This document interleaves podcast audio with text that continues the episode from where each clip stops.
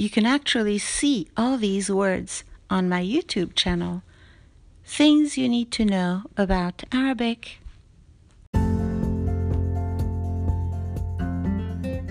Hello, friends. Today we're talking about a very special symbol called Alif Maqsura. You already know that we have an alphabet in Arabic, 28 letters, right here. And now you also know that there are 14 other symbols that you need to know uh, to read and write Arabic that are not in the alphabet. And here they are. We already know a lot of these. We actually know all of them if you have followed my 40 lesson course. Um, Introduction to Arabic Letters and Sounds. And today's letter is right here. You see it? Let me use a red pen to show you. Right here. See it? Alif maqsura. You probably noticed that it looks like a ya right? However it doesn't have any dots. Alif maqsura only occurs at the end of the word and has no dots.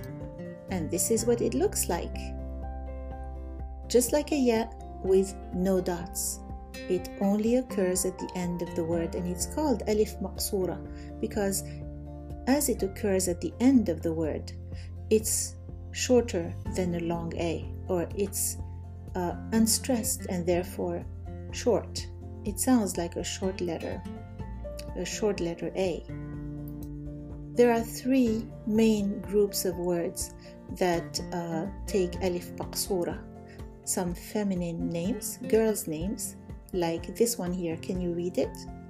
Layla, yes, Layla is written with an alif maqsura. Another name is Nada, alif maqsura at the end. Another girl's name is Huda, also ends in alif maqsura. The second group of words is prepositions. So there are some prepositions in Arabic that end in alif maqsura, like this one here. Can you read it? Ila, yes. Ila, it means to. Another preposition is ala, which means on. Ala.